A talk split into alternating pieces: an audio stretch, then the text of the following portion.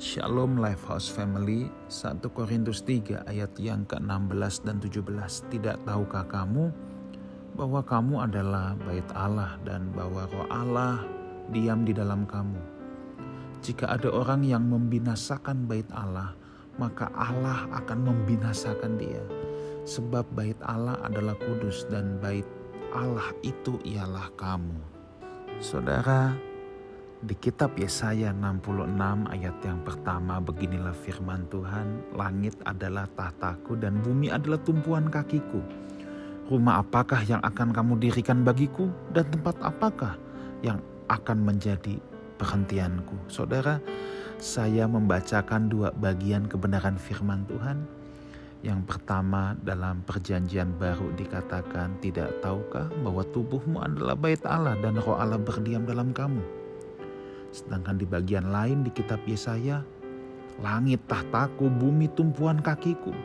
Rumah apakah yang akan kamu dirikan bagiku? Saudara, rupanya Tuhan memang tidak tertarik berdiam di dalam gedung saudara. Tidak ada gedung yang bisa menampung Tuhan. Bumi saja menjadi tumpuan kaki. Kalau sekarang dikatakan gereja adalah rumah Tuhan, oh ya betul.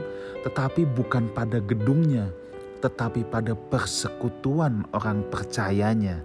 Sebab orang-orang percaya itulah yang menjadi bait Allah, di mana roh Allah berdiam di dalam kita semua yang percaya kepadanya. Itulah sebabnya di tengah-tengah pandemi ini, gereja tidak pernah berhenti. Gereja dalam arti gedungnya bisa jadi kosong, tetapi fellowship persekutuan orang percaya itu harus tetap ada. Dan di mana ada persekutuan orang percaya di sana ada roh Allah saudara ya. Jadi memang luar biasa ayat ini ketika saya renungkan betapa luar biasanya ya manusia itu. Betapa mulianya. Siapa kita saudara hanya dari debu tanah tetapi kita dibentuk segambar serupa dengan Allah, dihembuskan nafas hidup, dan kabar baiknya Tuhan mau berdiam di dalam kita, padahal rumah megah apa pun tidak bisa kita dirikan buat Tuhan. Jadi saudaraku, ini yang paling penting dalam hidup kita, bahwa roh Allah berdiam dalam kita.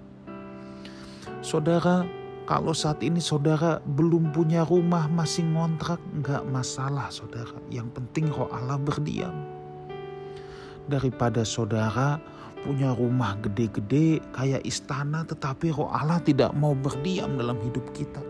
Jadi persoalan di sini bukan soal punya rumah atau enggak saudara, tetapi apakah roh Allah berdiam dalam hidup kita. Saudara punya rumah puji Tuhan buat itu. Belum punya rumah masih ngontrak puji Tuhan juga buat itu. Tapi yang penting ingat ini saudara, tubuhmu bait Allah ya. Saudara tidak bisa buatkan bangunan yang paling mewah buat Tuhan. Gak bisa. Bumi aja tumpuan kakinya.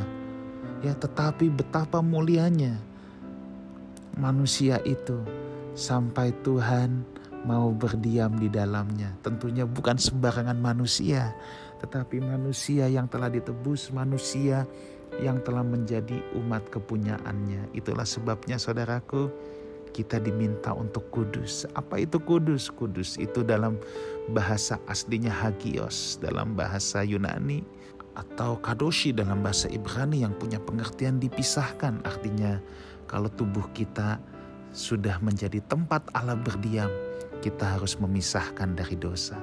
Kita tidak boleh tetap hidup dalam dosa, berkubang dalam dosa, sementara kita berharap roh Allah tinggal dalam kita it would never happen. Itu tidak akan pernah terjadi sebab Allah kudus adanya. Itulah sebabnya saudaraku, apa pun keadaan saudara sekarang, saya hanya ingin katakan hidup benar di hadapan Tuhan, hayati ini. Bahwa Tuhan berdiam di dalam diri saudara. Itu hadiah terindah selama kita hidup. Percuma kita memiliki segala sesuatu kalau Tuhan tidak berdiam di dalam kita. Tetapi yang benar ini, baik kita memiliki segala sesuatu ataupun tidak, atau lebih tepatnya baik Tuhan sedang mempercayakan kepada kita segala sesuatu ataupun tidak secara benda materi. Yang pasti, kita harus pastikan hidup kita benar, kita pisahkan untuk Tuhan. Dan di sana kita boleh menghayati bahwa Tuhan berdiam dalam hidup kita. Kitalah rumahnya. Langit dan bumi saja tidak bisa, tetapi Tuhan mau berdiam di dalam diri kita. Tuhan menyertai kita semua. Haleluya.